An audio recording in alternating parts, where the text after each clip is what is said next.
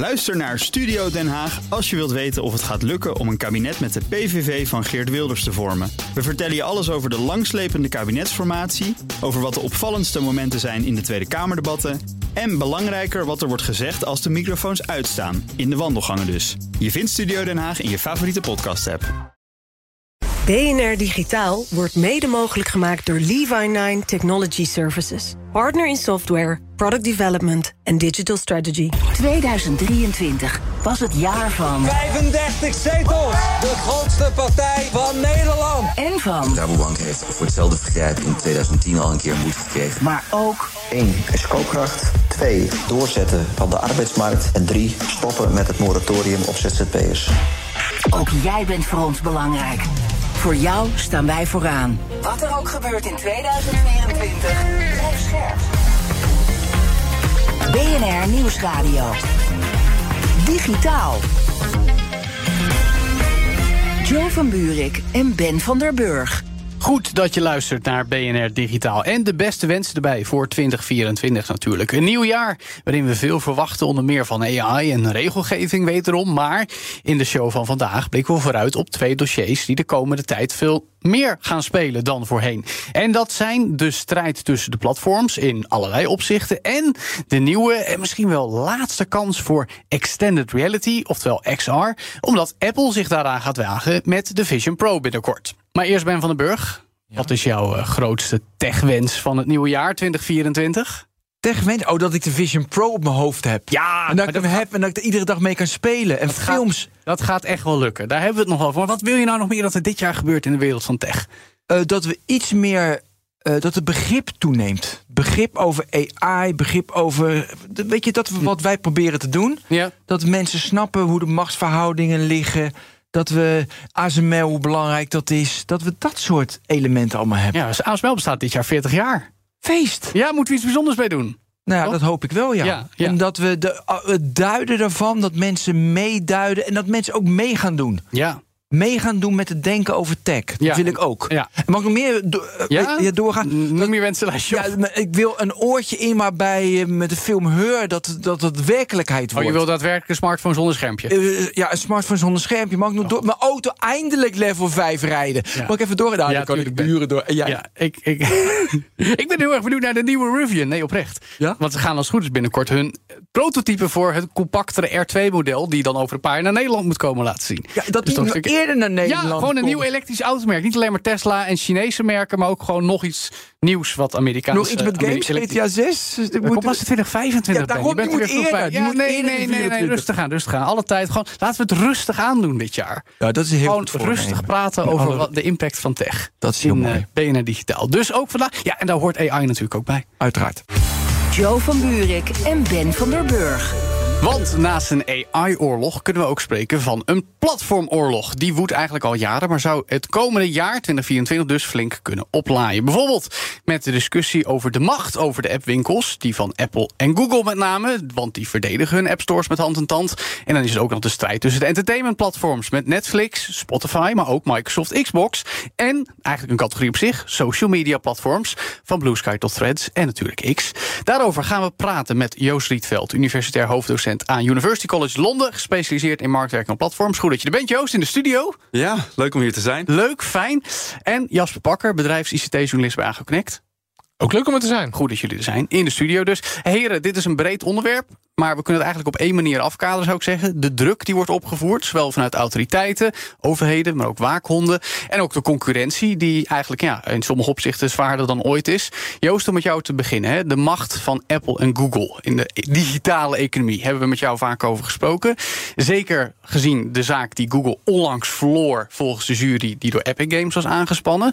Welke impact gaat die casus volgens jou hebben in 2024? Die platforms, die app stores, die zijn natuurlijk overal onder druk. Ehm, zowel vanuit eh, regulators als vanuit eh, partijen als Epic. Dus je ziet eigenlijk dat er vanuit alle hoeken wordt de druk op die platforms opgevoerd.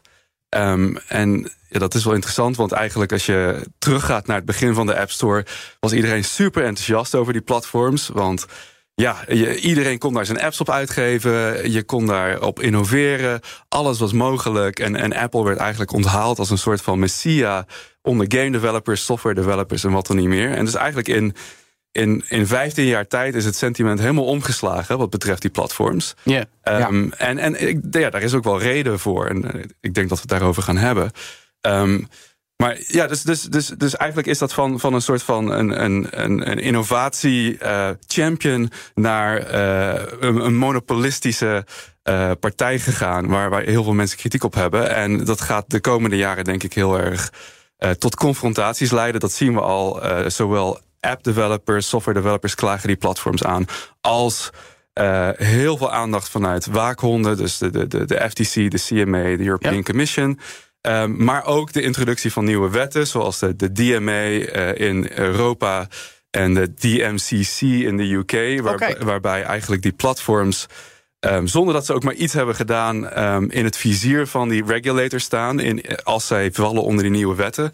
Dus we gaan van al die hoeken gaan we zien dat die platforms onder druk komen te staan. En die platforms die moeten wel veranderingen gaan maken uh, in, in hun beleid, in de manier waarop ze met developers omgaan en wat er niet meer. Ja. Uh, wat dat precies is, dat, dat, dat, dat, dat gaan we zien. Um, Ja. Maar het, het is heel duidelijk dat er, uh, dat, er, dat er veranderingen gaan plaatsvinden de komende Ja, Joost, ik wil, ik wil even terug naar het begin. Want in het begin was het natuurlijk ook gewoon even, om het makkelijk te zeggen, 30-70. Dus in het begin heb je dat al bepaald. Ja, de commissie van 30% over elke transactie. Ja, en dan is, de, nou, dan is iedereen tevreden. Terwijl iedereen snapt, 30-70 was al uit de lucht gegrepen. Dat sloeg eigenlijk helemaal nergens op. Want als er dan meer kracht komt en mensen zijn er meer van afhankelijk... dan komt dat onder druk te staan.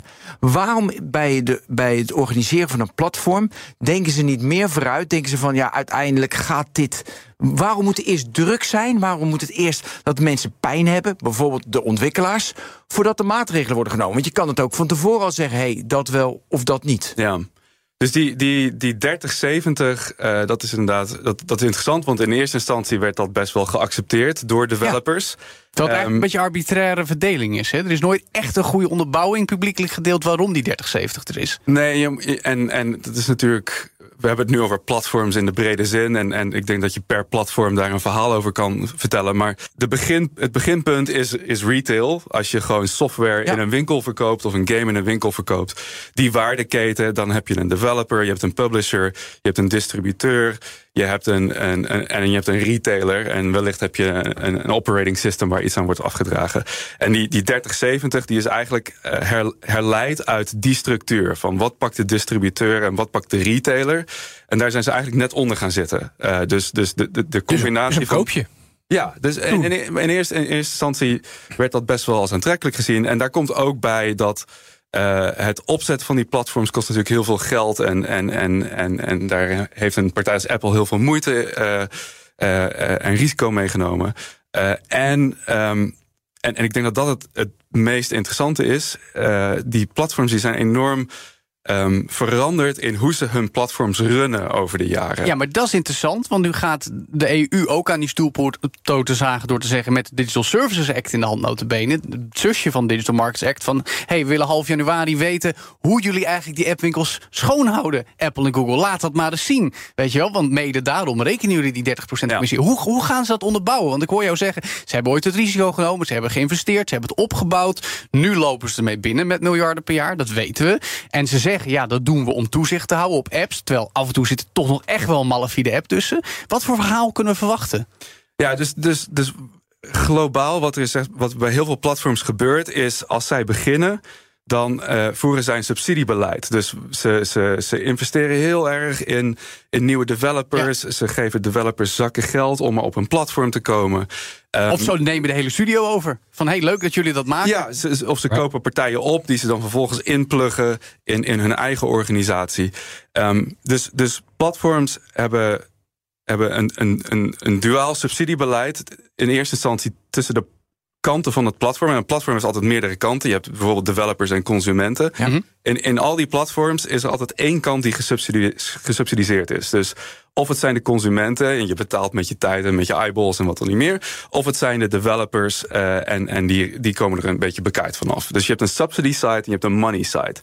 Uh, en dat is structureel, maar over tijd wordt er ook gesubsidieerd. Dus de waarde van een platform zit hem in het netwerk van de gebruikers. Dus als je begint als platform, dan heb je heel weinig waarde. Want je, je, je bent eigenlijk een, een lege schelp. Ja, kip en ei. Ja. Ja, en, en je hebt dus een kip-en-ei probleem wat je moet oplossen. Want zonder developers krijg je geen consumenten, maar zonder consumenten krijg je geen developers. Dus in het begin worden, wordt, wordt iedereen gesubsidieerd. Er wordt, er wordt heel veel waarde in dat Maar ecosysteem. voornamelijk de developers natuurlijk, hè? Nou, maar ook consumenten krijgen een hele goede deal aan het begin van zo'n platform. Want je moet gewoon je, je, je netwerk eh, opbouwen als Ja, maar platform. de zijn. deal is dat, dat het heel aantrekkelijk is... en dat ze hun aandacht eraan geven... en dat ze veel tijd op doorbrengen. Dat is de Ja, deal. maar dus, dus van, van het platform naar de consument uit. Dus je, je Mhm. kan wellicht het platform met korting krijgen. Of je krijgt heel veel. Het, eh, Netflix in het begin, je krijgt zes maanden gratis. Nou, dat, dat is nu eigenlijk ook niet meer het geval. Nee, heel Dus- veel lokkertjes. Hè, en dan Ja. zit je binnen en dan ben je, ben je eigenlijk alleen maar meer aan betalen om het te kunnen blijven gebruiken. Ja, dus die, die, die, sub, die subsidisatie die wordt steeds minder over tijd. Dat is één ding. Dus, dus die developers krijgen minder waar voor hun geld nu. Maar ze betalen nog steeds die, die, die, eh, die 30% aan het platform. Behalve Spotify. Ja, Ja, goed. ja nee, dat is nog een ander verhaal. Ga, ga door, Joost. Ehm, dus dat is één ding. En, en het, het, het beleid, dus de governance van zo'n platform verandert over tijd. Dus het platform wordt eigenlijk steeds meer geënt op, op het appropriëren van winst. ten opzichte van alle gebruikers in het ecosysteem. En er worden dus steeds meer veranderingen doorgevoerd in dat beleid. die eigenlijk steeds minder goed werken voor consumenten en voor developers. En, en goed werken voor het platform. Dus het platform wordt eigenlijk steeds machtiger. En ze pakken steeds meer winst. En ze opereren op een steeds grotere schaal. Dus dan krijg je een, een sentiment, wat denk ik in veel gevallen terecht is, waarbij zowel consumenten als developers denken van, hou, wacht even. Ja. In het begin was dit een, een, een, een, een, een faire waardepropositie. een sweet deal. Maar nu, nu dat platform op schaal opereert en, en, en die, dat beleid steeds aanpast, trekken we eigenlijk aan het kortste eind. En Ja. laten we er wat tegen doen. Jasper. Ja, daar heeft eh, Cory Doctor ook een hele mooie uitleg over. De enshittification of platforms. Ja. Dat na verloop van tijd ben jij niet meer de klant, ben jij niet meer het product. eh word jij het product voor een andere groep. En gaat het om winstmaximalisatie. En hoe bereiken we dat? Nou, door af te knijpen hier, af te knijpen daar. Maar Joost, kun je zeg maar die balans dat je die consument afknijpt, dat je het minder aantrekkelijk maakt? En ik kan gewoon een voorbeeld geven, weet je, al die trials die ik moet doen, dan doe ik een weekje, dan doe ik hem weer eraf. Want je moet overal moet je, je je hele contactenlijst van 4500 mensen moet je allemaal inladen. En normale mensen doen dat natuurlijk niet. Kun je die balans aangeven dat mensen dat dat de consument ook zegt van ja, nee, maar dit vind ik te ver gaan. Ik, ik voel het persoonlijk, maar ja, en is één. Kun je daar een voorbeeld van geven dat het breder is? Ja, dus de, aan de consumentenkant is dat best lastig. Want de, de consument Ja, heeft natuurlijk heel weinig macht tegenover zo'n platform. Het Ja, maar dat je merkt dat ze afhaken. met- Dat ze afhaken. Ik heb meer. Dat mensen het beu zijn. Ja, want ik zie dat namelijk bij mezelf. Dus wel bij mezelf, maar breder merk ik dat niet in de cijfers. Nou, en, Ja, dus Netflix? Een partij als, als, als Twitter, nu X, daar zie je het wel. Ja, dat is een leuk voorbeeld. Ja. Ehm, waarbij gebruikers toch wel echt op zoek zijn naar alternatieven. ja, naar, precies, naar het is te Threads en ver naar Blue Sky. Ja. Ehm, maar, maar daar is meer aan de hand natuurlijk. Dat is niet die, die enshittification waar je het over hebt, maar dat, dat is een, een change of ownership. Ja. En, en, die, en Muskification? ja, zoiets, ja. Ja, De, maar, de. Elon effect. Oké, op Ehm, social media komen ze erop. Entertainment komen ze Maar kunnen we ook ver- verwachten dat er echt iets gaat veranderen... als we vooral kijken naar die appwinkels, Joost? Of gaan we het er vooral weer over hebben in 2024? Ja, nou, dus ik, ik ken die, die, de, de tekst van de DMA niet uit mijn hoofd. Maar onderweg naartoe keek ik even naar wat, wat betekent het nou. En ehm, nou, bijvoorbeeld één ding waar die developers heel erg tegenaan lopen. En, en daar, ehm, eh, daar ben ik nu zelf veel mee bezig in, in het project waar ik aan werk. Is als je iets aanbiedt op een platform, is er bijna altijd een, een platform most favored nation clause. En dat houdt in dat als je, je, jij jouw app op dat platform zet, dan moet je het voor dezelfde prijs, mag het niet lager op, je, op een ander platform. Of als je het zelf verkoopt in je eigen webshop. Ja, ja. Het moet ook de volledig dezelfde content zijn. Dus je mag niet een, een extra DLC aanbieden voor je game als je het zelf verkoopt. Mhm.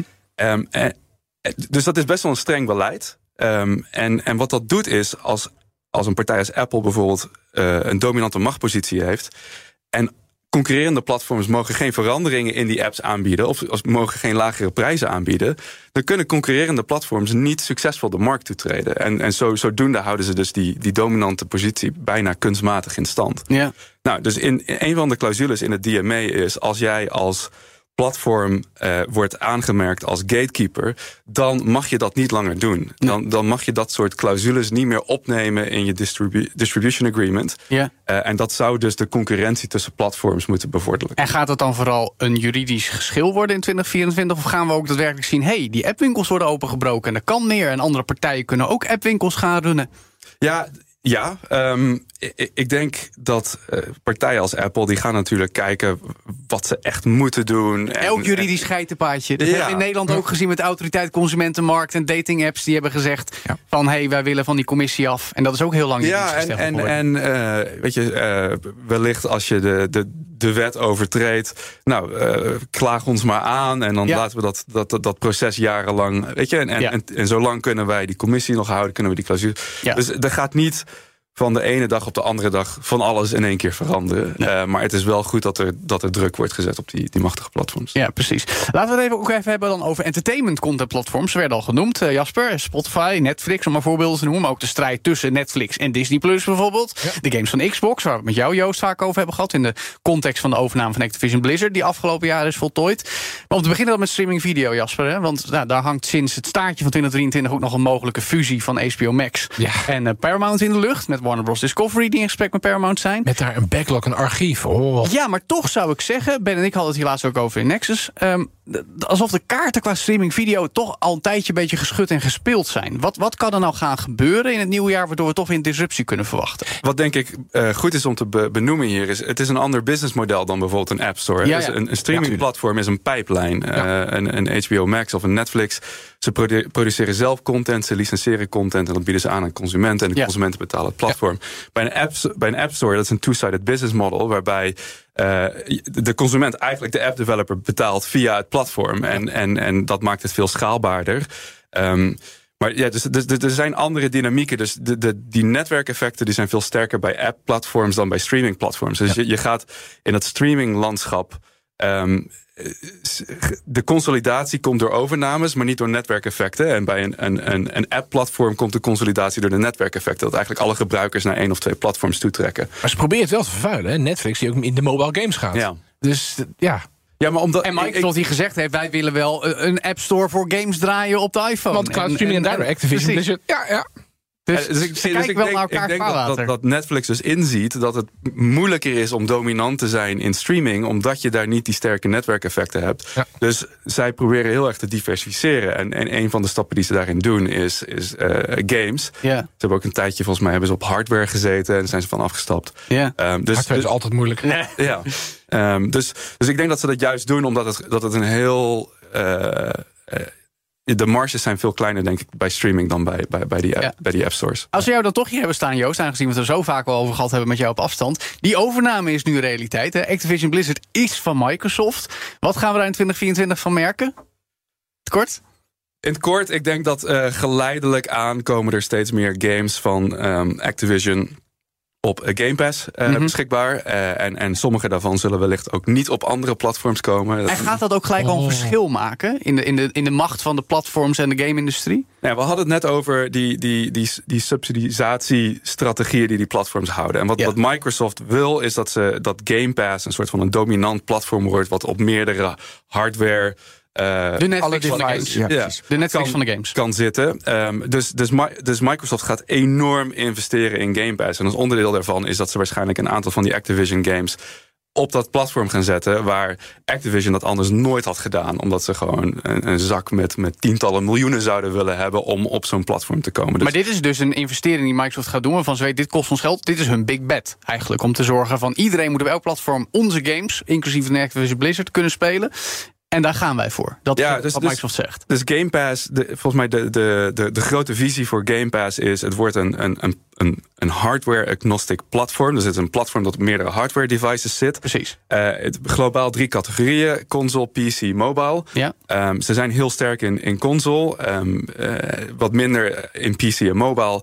En Activision is natuurlijk een heel aantrekkelijk bedrijf. Want dat is een bedrijf dat precies die ja. divisies had. Ja. Ze hebben King Mobile, ze hebben Blizzard PC ja. en ze hebben Activision console. Dus zij, zij kunnen een soort van die hele portfolio daarin pluggen. Maar gaat dat ze ook lukken?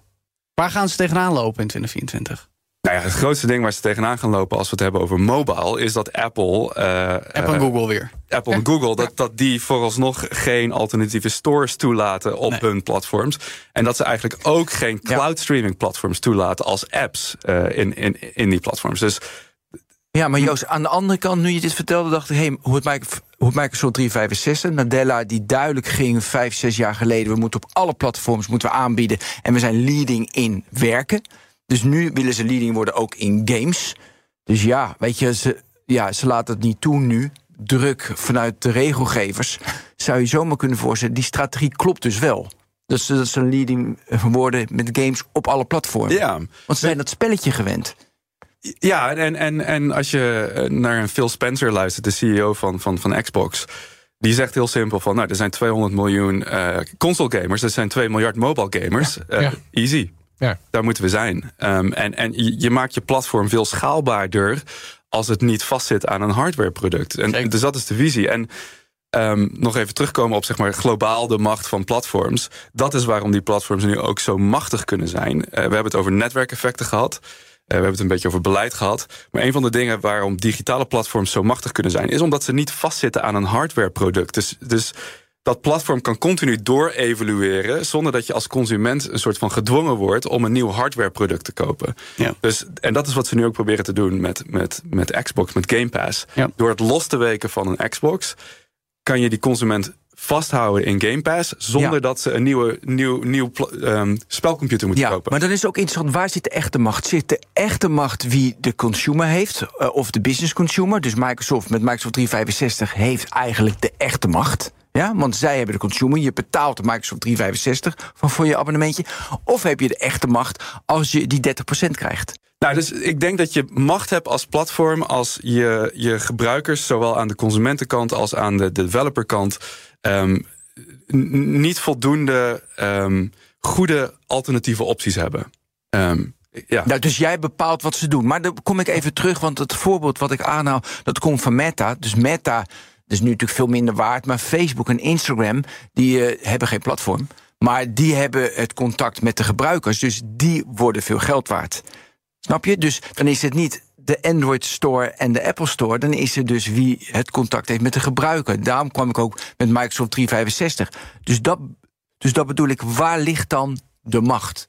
Ja, dus nogmaals, in mijn optiek heb je macht als je lock-in over je gebruikers hebt. Dus als, als, als de gebruiker um, moeilijk kan switchen naar een ander platform. En, en een Instagram heeft best wel macht. Uh, en, en het is een platform, hè. laten we wel zijn. Het is een platform omdat zij advertenties aan adverteerders verkopen. Ja. En ja. de gebruiker heeft keiharde lock-in. Want uh, nou ja, het algoritme is heel powerful. Al je vriendjes zitten erop. Ja. Um, dus, dus het is een platform en het heeft macht en het heeft lock-in. Dit is wel een interessant bruggetje naar social media... waar ik het tot slot over hebben. Want notabene over Instagram, dan hebben we het over Threads. Dat kwam dit jaar. Ja. Jasper, het voelt als gisteren, maar het was het voorjaar... dat het had ja. over Project Barcelona van Meta. Precies. Precies. Nou, nu is het er dus, Threads. Interessant, want Joost, je zegt Instagram. Nou, ondertussen horen we wel Meta zeggen... ja, we werken aan de koppeling met het ActivityPub-protocol... zodat Threads ook met Mastodon kan werken. En ja. dan moet je je portabiliteit... dus dan moet je je volgers mee kunnen nemen... dan moet je crossposts en dergelijke. Dus ze lijken naar een soort open social media toe te bewegen, Jasper. Net zoals Word ooit zo compatibel wou zijn met WordPerfect, tot het niet meer nodig was. ja, oh, ja. oké. Okay. Nee, maar goed, dat is dus gelijk een interessante vraag. Is dit, als het gaat om de ontwikkeling in social media... waar Ben en ik het ook al laatst over hebben gehad in, in Nexus bijvoorbeeld... iets wat gaat doorzetten? Dat we notabene met, mede door Meta... een opener, socialer uh, social media internet gaan zien? Of is het een beetje schijn? Zou kunnen, maar ik denk dat het schijn is of tijdelijk is. Uh, kijk, de, de Threads is heel erg gekoppeld aan Instagram... en de, de vroegere Present, mm. die is niet de Instagram-gebruiker. Die is ook niet helemaal de Threads-gebruiker. Dus dat Meta dit doet, is een, een mooi gebaar... maar misschien niet meer dan een gebaar. Of misschien had een hele bewuste strategie... dat er genoeg mensen overkomen. En want dat, die, die vraag van macht die Ben stelde, hele goede. Uh, ik denk dat daar toch drie factoren meespelen. Kwaliteit en kwantiteit van je consumenten en je developers... en perceptie. Ja. Apple is nooit de grootste geweest. Maar in, de, zeker in het begin van de App Store was het... ja, je kunt een app maken voor Android... En dan, uh, ja, dan verdien je heel weinig... want Android-gebruikers zijn gewend om weinig te betalen of gratis. Maar de Apple-gebruiker, die trekt zijn portemonnee. Ja. Ik zie Ben ook knikken. Ja, ja, ja. ja, ja, ja precies. hij, hij denkt nu aan zijn, zijn rekeningen ooit bij de App Store. ja, oké. Okay. Ja, okay. dus, dus macht kan ook zijn dat jij de perceptie hebt... jouw platform van bij mij zitten de waardevolle gebruikers. Talk to me. Ja. Nou ja, hetzelfde zou waarschijnlijk Elon Musk zeggen... over de gebruikers die nog wel op X Precies, zitten. Die, hij vindt zijn gebruikers op ja. X heel waardevol en, in zijn en we wereld. weten natuurlijk allemaal van dat hij eigenlijk de ontwikkeling probeert te maken... laat ik zo zeggen, van social media... naar ook interacteren met zijn AI-chatbot Grok... en met betalingen in sommige Amerikaanse staten. Maar ook advertenties. Precies, maar ook hij wil alles tegelijk. Ja, ja. maar oké, maar waar, waar, zie jij X dan nu nog naartoe ontwikkelen... los van wat we het met elkaar zeggen, de vernieling in? Ja, echt zie ik, zie ik naar een soort thread social gaan. Een soort, soort in-crowd die het met elkaar heel eh, nou, kunnen hebben. Ja. En daar misschien geld voor over hebben. Het zij eh, advertenties, het zij betalen voor een premium abonnement. Maar nee, ik, eh, ik, ik heb het opgegeven in, in 2023 al. Ja. Joost, zie jij een situatie waarin X daadwerkelijk een platform kan worden dat iets gaat betekenen? Of is het eigenlijk allemaal een beetje geklooi? Het is een hoop geklooi de laatste tijd. ja. Nee, maar het is niet een factor waar we rekening mee hoeven te houden. Nou ja, dus, dus. Elon Musk heeft een visie van de eerste Amerikaanse super-app voor, voor, voor X. Ja, de Everything Ehm, app. De Everything app. En, en dat is een model dat heel goed werkt Is in, dat iets wat Azië. jou fascineert, waarvan je denkt dat zouden we in de westerse wereld ook kunnen en moeten hebben? Of zeg je Azië ja, maar hier nee? Ja, de, ehm, iemand moet onderzoek doen naar waarom het zo is dat het zo goed werkt in Azië en dat het hier eigenlijk niet zo goed van de grond komt. En dat onderzoek ga jij doen. Nou, dat weet ik niet, dat weet ik niet. Jammer. Ehm, ja, maar eh, nog even terugkomen op die, die interoperability. Ik ken Ja. het specifieke voorbeeld wat jij noemde, eh, ken ik niet. Maar, maar wat jij ook zei van... ehm, het zou heel goed een tijdelijk ding kunnen zijn. En dat valt weer onder die subsidisatie. Je, je, je geeft je gebruikers een bepaalde functionaliteit voor een korte tijd, waardoor het makkelijker wordt om van, van platform te switchen. Eh, en vervolgens zet je het weer uit, want dan heb je je platform, heb je lock-in. Je bent geswitcht. Het tweede ding wat heel veel platforms doen en waar, waar Meta zich ook zeker ehm, schuldig aan heeft gemaakt, is. Ehm, het is niet zozeer dat het schuldig is, maar dat, dat, dat je ehm, een soort van single sign-on creëert. Hè? Dus de- je hebt, je hebt de Facebook Pixel heb je in een tijd gehad. Ja, ja. zeker. Steam doet het heel slim met Steam Keys, waarbij je Ja, dus eh, ja. logins kan kopen op andere platforms die dan vervolgens werken op Steam. Dus nogmaals, het is lock-in. Je, wat je dan doet, is je, je, je laat je gebruikers misschien een beetje buiten je platform spelen, maar wel met behulp van soort van de technologie die jij aan je eigen platform hebt ontwikkeld. En uiteindelijk trek je gebruikers weer terug naar je platform. Dus het, het, het, het is gewoon een strategie om je gebruikers vast te houden. Er gaat niet echt iets veranderen in 2024 of wel? Ik, nou, ik denk dat het een heel interessant jaar wordt. Leuk zou maar zeggen. Ja, Ja. maar het is meer het gesprek erover dan dat we er als eindgebruikers iets van gaan merken. Nou ja, Blue Sky is nu openbaar eh, leesbaar zonder account. Dus Ja. dat is een stapje. hè? Klopt. Nou ja, dat zou je een beetje kunnen scharen onder dezelfde Ja, charme-strategie ja, van Meta. absoluut, Maar, absoluut. Nee, maar goed. Of, of denken we van nou, in 2024 gaat dit platform iets doen... waardoor het toch allemaal helemaal anders wordt? Of, of blijft dat gewoon heel langzaam iets waar we voor over praten? Nou ja, kijk, ik, ik snap dat jullie graag een soort van een, een, een, Sensatie. een sensationele shock nee, in de maar, nee, maar wereld als dat willen de horen. Maar reality check is van het gaat gewoon heel langzaam... dan is dat dus gewoon dat het zoals het is. het gaat heel langzaam. En het is denk ik, eh, de, het sentiment is sinds een jaar of vijf omgeslagen. Mhm. En, en sinds een jaar of twee, drie krijg je steeds meer eh, antitrust cases vanuit regulators, vanuit andere bedrijven. En dat gaat, dat gaat door. Er, zullen andere zaken komen. Ehm, ik vertelde jou even, ik werk aan een zaak die, Ja. die, die, die gaande is.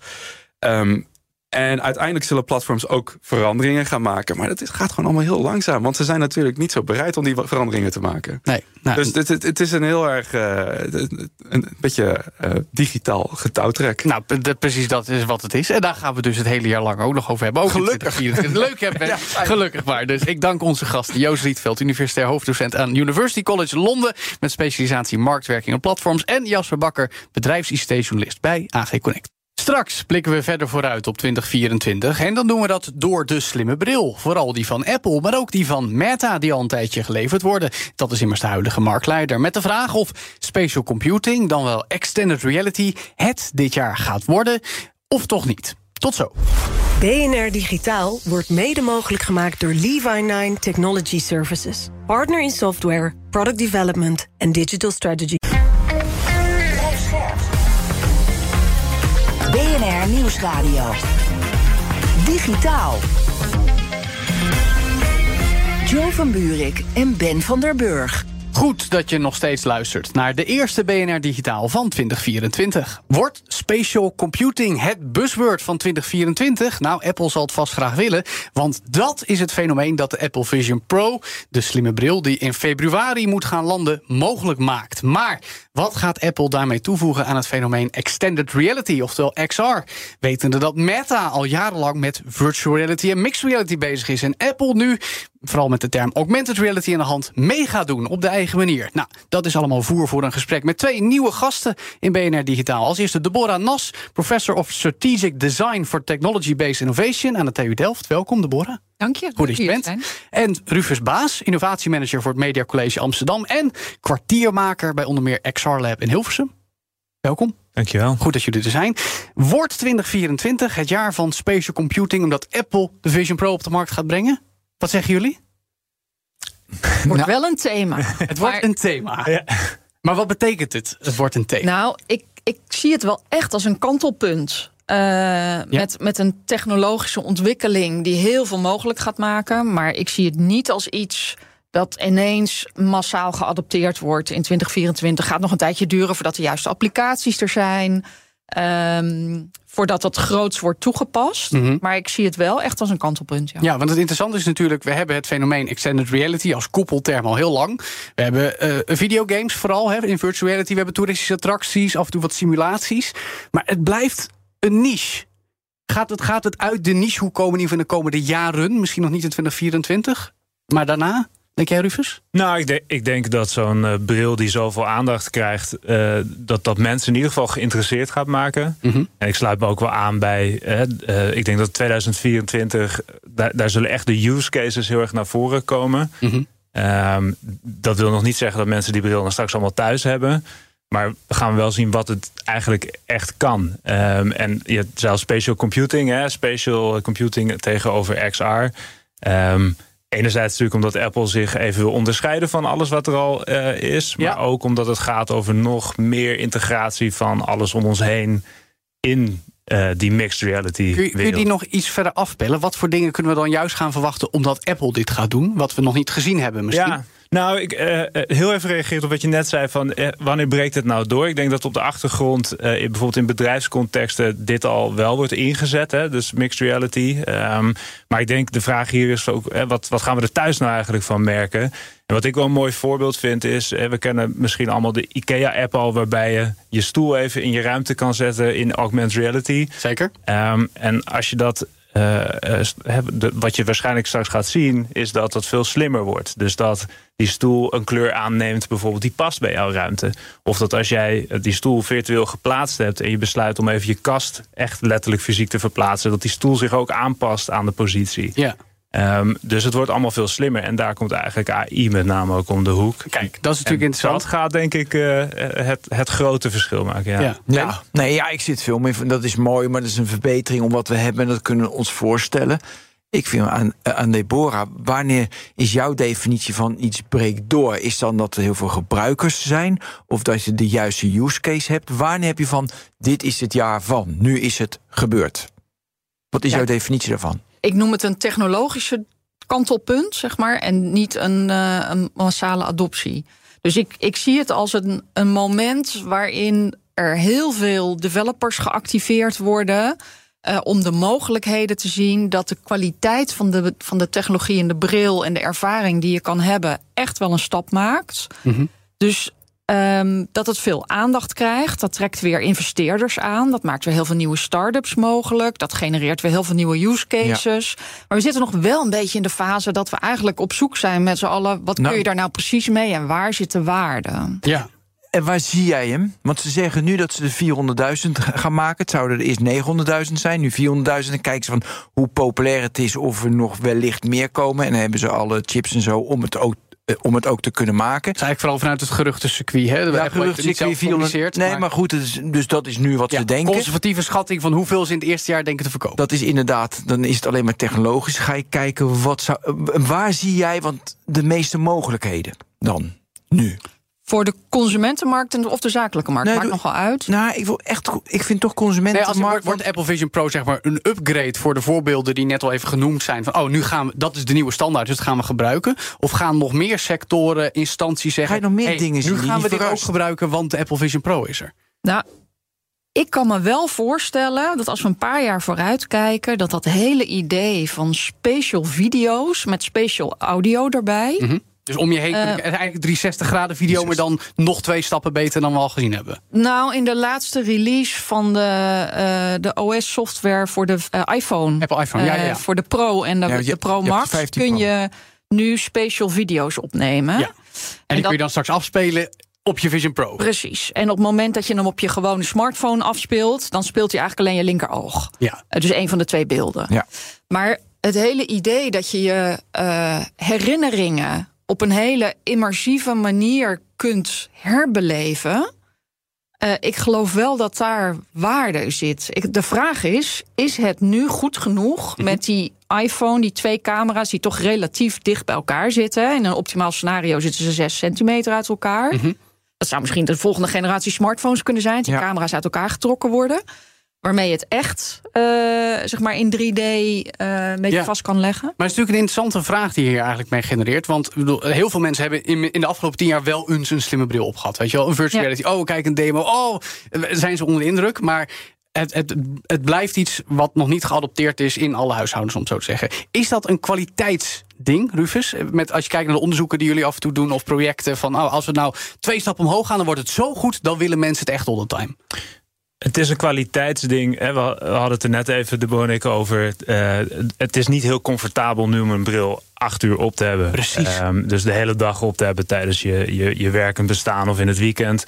Het ontbreekt aan comfort eigenlijk. Dus het zit, het zit niet per se eh, heel comfortabel voor lange tijd. Het beeld is natuurlijk nog niet eh, volledig prettig. Dus er zijn zeker heel veel kwaliteitsdingen die meespelen. Mhm. Ehm, ik denk waar misschien het verschil komend jaar gaat zijn, is dat. Eh, ik kijk naar de dingen die je liever hands-free doet. Want met je mobiel kan je al gigantisch veel. Juist. Ehm, maar welke dingen doe je nou liever hands-free? En eh, nu, eh, eh, eh, eh, vorig jaar tijdens kerst. ehm, eh, ja, zat ik ontzettend moeilijke gerechten te maken. En wat ik eigenlijk het liefste zou willen, is dat er een soort eh, tutorial videoschermpje mij gewoon volgt. Terwijl ik rondloop door die keuken. Die me laat zien eh, wat ik eh, eh, moet doen. Zo in je ooghoek. Ja, gewoon in mijn ooghoek. En die ik even naar voren kan Ja. slepen als het kan. Ehm, dus de, en, en dat zijn eigenlijk hele, hele ja, dagelijkse dingen. En kunnen jouw hersens dat aan? Ja, want de- deze toepassing bestaat dus al. En eh, de Meta Quest 3 die kan dit eigenlijk al best wel goed. Ja. Eh, dus, Ja, maar ik bedoel lang, hè. Ik, bedoel, ik heb hem ook opgehad. Maar lang, ik twijfel heel of mijn hersens dat wel ja, lang de aan- vraag is, aan- ik denk dat, de- kijk, de vraag of het lang moet, het hangt heel erg vanaf wat je gaat doen. Als ik ga klussen, hè, bijvoorbeeld als ik, eh, stel je, je, je wil eh, aan je auto sleutelen, ehm, koffer of je doet de, de, de motorbak open. eh, je, hoe lang ga je gaat ook niet acht uur misschien sleutelen, maar een uurtje om even wat Je op staat te maar een uurtje lossen. in de keuken. Je kan dat ding best ophouden terwijl je er Exact, bent. Ja. exact. En, Ja. en, en ik denk wat, waar misschien de kracht gaat zijn, is dat het een device wordt. Gecombineerd, zeg ik er wel echt bij, eh, met, de, met de toevoeging van AI, Hmm. die ons dingen gaat leren. En dat is natuurlijk super interessant, want dat betekent dat we opeens veel zelfstandiger kunnen gaan handelen. Ehm, en ik denk dat daar komend jaar kantelpunt gaat zijn. Ja. Dat voor die praktische dingen die je hands-free wil doen. En waar je wel eh, eh, hulp kan gebruiken. En wat je nu al ziet met je mobiel, met ChatGPT en dergelijke. Als dat hands-free kan. Ja, Ja. Eh, Denk je, dat, denk je dat de technologie ooit zover komt dat het echt inderdaad net zoals mijn bril opzet is en hij Je doet gewone het? domme bril. Nee, weet je waarom ik het vraag? De eerste HoloLens-filmpjes, Mhm. erg lang geleden. Toen was het ook van dat een, eh, iemand onder een groot steen eh, moest iets maken. En hartstikke mooi. Maar ja, HoloLens opzetten, succes. Ja. En dat heb je nog steeds met de Quest 3. En dat ga je ook met de Vision Pro krijgen. En dan kan je natuurlijk afvragen... gaat dat echt lukken? Ja. Die kwaliteit die we nu eigenlijk wensen. Ik, ik denk het, het grote probleem, even van voor generatieve AI, was dat ieder ding eh, dat je wilde creëren, moest met de hand gemaakt worden. Dus als jij een gootsteen Ja. vorm A had, moest die eerst eh, virtueel gemaakt worden om daar echt goed een digitale laag overheen te leggen. Ja. Nu kan met AI kan je zien, oké, dit is een gootsteen, die ziet er ongeveer zo uit. Eh, daar kan ik een ander soort laag, een, ge- een, eh, zeg maar een gecustomized laag overheen leggen. Dus eh, jouw vraag, gaat dit echt op een gegeven moment zo simpel worden? Ik denk dat we, kom- hè, of dit jaar gaan we zien dat het zo simpel gaat worden. Mhm. Dat is dan nog niet de, de bril die je nu ook op hebt, hè, dat, dat gemak. Maar We gaan meer proof of concept we zien. gaan zeker dit jaar, we gaan het dit jaar zien. Dit, Ja. dit, is, dit is wat, er, wat Ja. er gaat gebeuren. Joe van Buurik en Ben van der Burg. We praten door over spatial computing. Dat is de term die Apple geeft aan het gebruik van de nieuwe slimme bril. Die over enkele weken al waarschijnlijk in de VS gaat verschijnen. En helemaal wel, of toch niet, onze manier van spelen en zijn en werken in virtuele werelden gaat bepalen. Daar praat ik over verder met Deborah Nas, verbonden aan de TU Delft. En Rufus Baas van het Media College Amsterdam en XR Lab.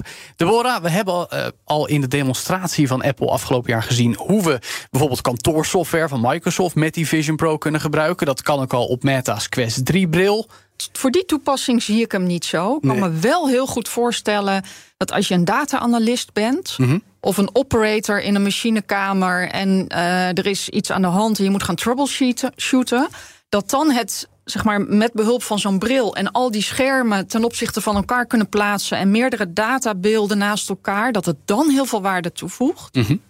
Maar om het in een office context met Excel en PowerPoint, ja, dat zie ik dan eigenlijk. Niet de vervanging van gewoon de Nee. monitor of de Ik zie dubbele wel, monitor. ja, wel? Absoluut. Waarom zie je dat werken? Nou, ik heb dat met de Quest 2 destijds al eh, geprobeerd. Ja, en, ik eh, vond het niet fijn genoeg. het was absoluut niet fijn genoeg. Nee, en met maar, de drie ook nog niet helemaal. Nee, maar het- je ziet dat het kan werken. Het is, eh, we hadden het net over kwaliteit. Het is een Mhm. kwestie van kwaliteit. Ja. Eh, maar denk aan alle situaties dat je in het OV zit... of dat je in het vliegtuig zit. Of zeg maar plekken Ja. waar je niet al die schermen hebt. Nee. Waar je nu loopt te klooien op je, op je laptopje of op je, Op je mo- telefoon met mobiel. vensters, eh, ja, ja. dus het is niet... Ik, ik denk, het is zeker niet het meest sexy use case... dat je nu PowerPoint in je... eh, we kunnen er ook allemaal wel om lachen, denk ik. Hmm. Maar ja, nu doe ik het op mijn laptop. En als ik dat straks op een, een levensgroot scherm kan doen... terwijl ik in de trein zit... eh, misschien met hand gestures, oog, eye tracking...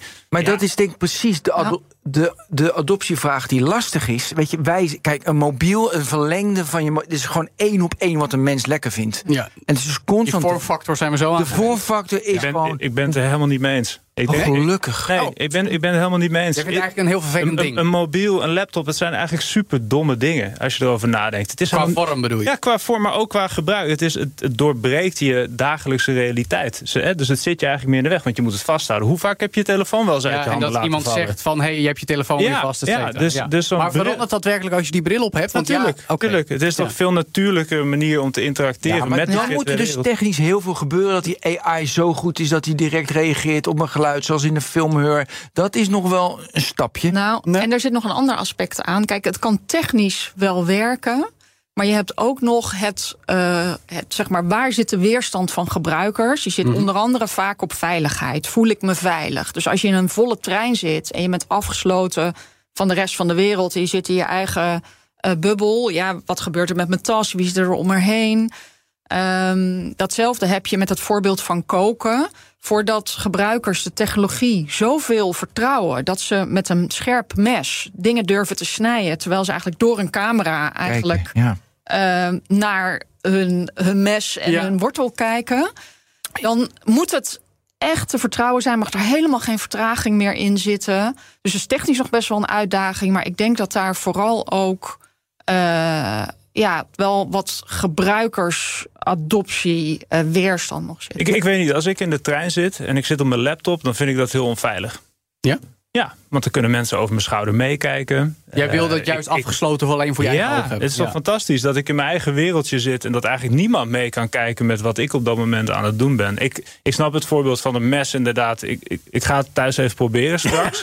hoe comfortabel ik me daarbij voel. En ik, Ja. ik, ik krijg er nu wel kriebels van. Ik- Dus ik denk inderdaad dat Nee, het maar, heel goed, maar dit is wel. Nee, nee, maar ik, om hem aan te vullen, dit, dit klinkt oplosbaar. Weet je, we hebben het gehad aan het begin over Latency. kwaliteit. We weten, Apple wil. Weet je, we moeten het gaan merken als het ding er is. Ja. Wil de hoogste kwaliteit die je maar kan halen. En als dan het comfort en, en de, de, de resolutie en de latency allemaal danig acceptabel zijn dat dit kan, Ja. dan, dan zien we het misschien dus gebeuren. Ja, maar ik denk dus dat de eh, adoptievertraging zit daar niet in de technologie. Nee. Ik denk dat we technisch binnen een paar jaar echt wel goed hebben. Ja. Maar stel je voor, alle use cases die we nu ook zien van Apple, die zijn eigenlijk redelijk statisch. Hè? Je, zit, je zit of staat op één plek, zet misschien twee keer Ja. stappen in je Zit in je Eh, maar de, Kijk de de, film, ja. belangrijkste use cases voor die HoloLens zitten in industrie en in de bouw, Ja. waarin je informatie geprojecteerd krijgt over de echte wereld.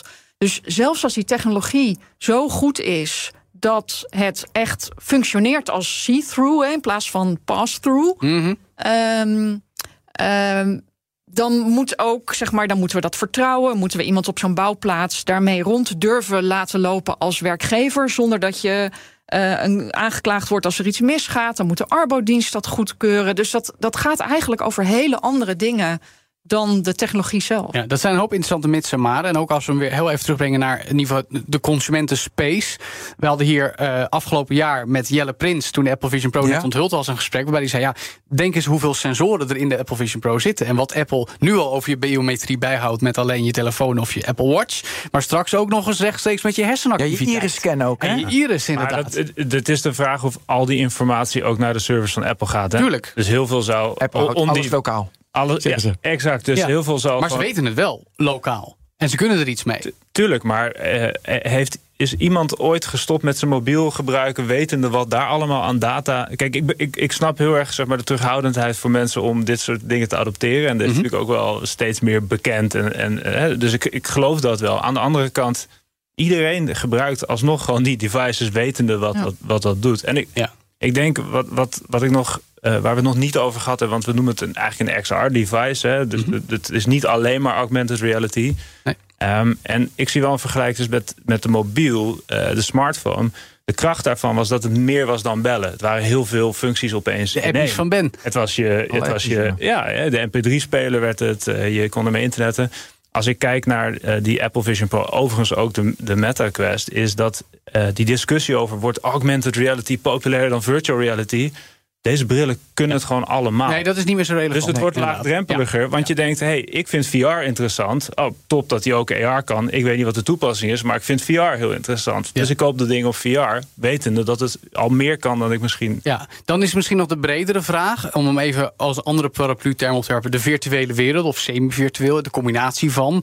Ehm, is dat iets waar we nu weer naartoe gaan leunen? Want we zagen juist de afgelopen jaren dat in coronatijd als vorig buzzword voor AI metaverse was het, weet je ook Jij gedreven durft omdat nog Mark uitspreken? Zuckerberg, ja, ik durf nog gewoon uitspreken, Het waarbij ook allerlei gamebedrijven zoals Epic Games met Fortnite eh, of Roblox zeggen, ja, wij maken ook al metaverses.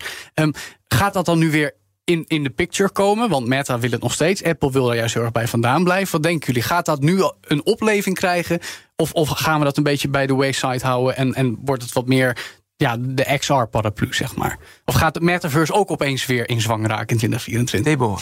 Ja, het woord is een beetje besmet geraakt. Ehm, maar ik geloof zelf wel dat die virtuele werelden een belangrijk onderdeel van ons leven gaan worden op de langere termijn. Dus niet volgend jaar, ook niet over twee, drie jaar misschien. Maar Of tien jaar? Over tien jaar zeker, ja. Ja. Omdat als je kijkt historisch gezien naar de media-innovaties die succesvol zijn geworden, dan voegt het eigenlijk iedere keer iets van die immersiviteit toe. Het wordt steeds rijkere ervaring, ofwel in beeld of geluid. In, nou ja, eh, als we straks met zo'n bril eh, haptische handschoenen hebben die comfortabel zijn, waarmee je kunt voelen in die digitale wereld. Dat je niet meer, want dat is eigenlijk de grote stap ook die die Vision Pro nu maakt. We stappen af van die lullige controllers. En we gaan naar. Met hand- onze vingers hand- bedienen. Ja, Ja, met onze spraak. vingers bedienen. Nou, als je daar een, een elegante handschoen eh, bij aan hebt, die jou ook nog het gevoel geeft dat je iets kan pakken, dan denk ik eh, dat het echt wel. eh, ja, een, een onderdeel van onze wereld gaat worden. Zoals het internet of die smartphone nu ook een onderdeel van ons leven is. En nog een vraag. Kijk, kijk, het voordeel is van een mobiel, die heb je altijd bij je. En die is zeg maar, hij verlengt je tijd. Dus je kan, je hebt je normale tijd en je hebt de virtuele tijd in je, eh, het- zeg maar, in je mobiel. En dat kan je tegelijkertijd doen. Als je begrijpt wat ik bedoel. Als je een film kijkt, dan ben je je tijd kwijt aan die film. Je kan op je mobiel zitten, maar je bent je tijd kwijt. Ja, zo, zie je, dat- zo zie jij dat nu. Maar als ik naar mijn kinderen kijk, die echt eh, een stuk jonger zijn, ja, die hebben vier schermen tegelijk open. Weet je, ze zitten en te gamen. En ze hebben een YouTube-filmpje opstaan. En ze hebben Discord aanstaan. En dan meestal nog wat anders. Ja, en daar maken ze dan weer video's van op Ja. social media. Eh, als je nu een filmpje kijkt op TikTok, dan kijk je nooit meer één filmpje. Het, zijn, dat beeld is gesplitst. Het zijn twee totaal verschillende beelden onder elkaar. Dus het, het beweegt heel erg Dus in toe je multitasken. XR-bril doe je dan alles ook. Maar dat zou dus kunnen. Kijk, persoonlijk, ik vind die VR-brillen vreselijk oncomfortabel. Ik, ik ben na tien minuten helemaal klaar. Maar mijn zoon, die zet hem alleen maar af als hij een warm hoofd krijgt. Ja. En niet omdat hij het oncomfortabel aan zijn ogen vindt of zo. Dus dat is misschien ook wel een generatieding hè, Ja. wat daar speelt. Dat de jeugd makkelijker hierin meegaat, Ja. zoals met heel veel En technische als dan zo'n bril je dan in staat stelt om inderdaad veel makkelijker te multitasken, dan zie ik mensen dat ook wel gaan doen. Ook al vind ik het persoonlijk niet prettig. Ja. Rufus, doen jullie hier ook onderzoek naar met, met de projecten waar jij mee bezig bent? Van welke mensen vinden het nou fijn? Op welke manier vinden ze het fijn? Moeten ze het fijn vinden? Ja, ehm, eh, de, de projecten die wij doen in het XR-lab, dat, dat ontstaat altijd uit een vraag. Hè. Wat, wat zou immersieve content voor waarde kunnen toevoegen of eh, eh, een, een, een vraag mee beantwoorden? Ehm, en wij gaan altijd bouwen. Dus we creëren prototypes en die testen we. En met het publiek dat, dat ook die bril gaat eh, gebruiken. En daar is ook onderdeel van. Ja, eh, willen mensen het überhaupt wel op? Ja. Eh, is dit het wel comfortabel? Ehm, dus het, ja. Ja, nee, maar als in, als in, als in zie je daar een bepaalde ontwikkelingen en zeggen van nou oké, maar eh, ik bedoel, Apple Vision Pro is natuurlijk een nieuwsfeit waardoor dit weer heel veel aandacht krijgt. Eh, Gaat dat, gaat dat ook echt voor die opleving zorgen in van nou, nu gaan we het op deze manier proberen, verwacht je? Of is dat nog te vroeg om te zeggen? Ehm, kijk, de onderzoeken die wij doen, die, die zijn uh, om erachter te komen uh, voor bedrijven, voor organisaties, voor midden-kleinbedrijven. Ja, wat waar, kunnen ze hiermee? Waar, wat kunnen we mee? En ook op de wat meer langere termijn. Dus ja, het gaat er niet zozeer over kunnen we dit morgen inzetten in onze bedrijfsvoering. Maar moeten we wel ons hierop gaan voorbereiden op die iets langere termijn? Ja. Uh, dus dus en, en, en daar, daar kan het de uitkomst zijn: hey, dit is dichterbij uh, dan we dachten. Mm -hmm. Met de bestaande HoloLens 2 kunnen we eigenlijk al wat dingen integreren. Mm -hmm. Het is nog steeds een vrij duur apparaat, dus we kunnen dat niet aan al onze medewerkers geven. Maar op bepaalde plekken maakt het verschil. Mm -hmm. uh, maar het, het, kan ook zijn dat het is: oké, okay, over vijf jaar moet onze business getransformeerd zijn hier naartoe. Welke stappen, eerste stappen gaan we nu zetten? Bijvoorbeeld. Uh, we werken nu met heel veel plat uh, beeldmateriaal. Wordt het niet eens tijd dat we dingen meer in 3D-omgevingen gaan creëren? XR ready. Ja, XR ready, exact. Ja. Dus, dus, uh, en daarvoor, dat, dat, dat zijn de vragen die wij proberen te beantwoorden. Ja, precies. Ja. Nou goed, wij gaan geen vijf jaar wachten voordat we er ook iets mee gaan doen. Denk ik. Dat gaan we op korte termijn zeker doen. Maar in ieder geval hebben we bij deze alvast een voorschot genomen. Of wat spatial computing in 2024 allemaal gaat betekenen. Hè, ben. Dus dankjewel, Deborah Nas, Professor of Strategic Design for Technology-Based Innovation aan de TU En Rufus Baas, innovatiemanager voor het Media College Amsterdam. En kwartiermaker bij onder meer XR Lab in Hilversum. Tot zover de eerste BNR Digitaal van 2024. Blijf vooral naar ons luisteren dit hele jaar en daarna op de radio of als podcast. Abonneer je vooral ook op BNR Digitaal via je favoriete audioplatform. En doe dat vooral ook met Tech Update voor het laatste nieuws in tech. Tweemaal per dag in het kort. En de technoloog met Ben en Herbert Blankenstein voor de wekelijkse verdieping in één thema. En dan zeg ik namens onze hele tech-redactie bij BNR. Tot volgende week. Dag. BNR Digitaal wordt mede mogelijk gemaakt door Levi9 Technology Services. Partner in software, product development en digital strategy. Bij BNR ben je altijd als eerste op de hoogte van het laatste nieuws. Luister dagelijks live via internet. Bas van Werven. En heel langzaam komt de zon op rond dit tijdstip. Je krijgt inzicht in de dag die komt op BNR, het Binnenhof in Nederland en de rest van de wereld. De Ochtendspits. Voor de beste start van je werkdag. Blijf scherp en mis niets.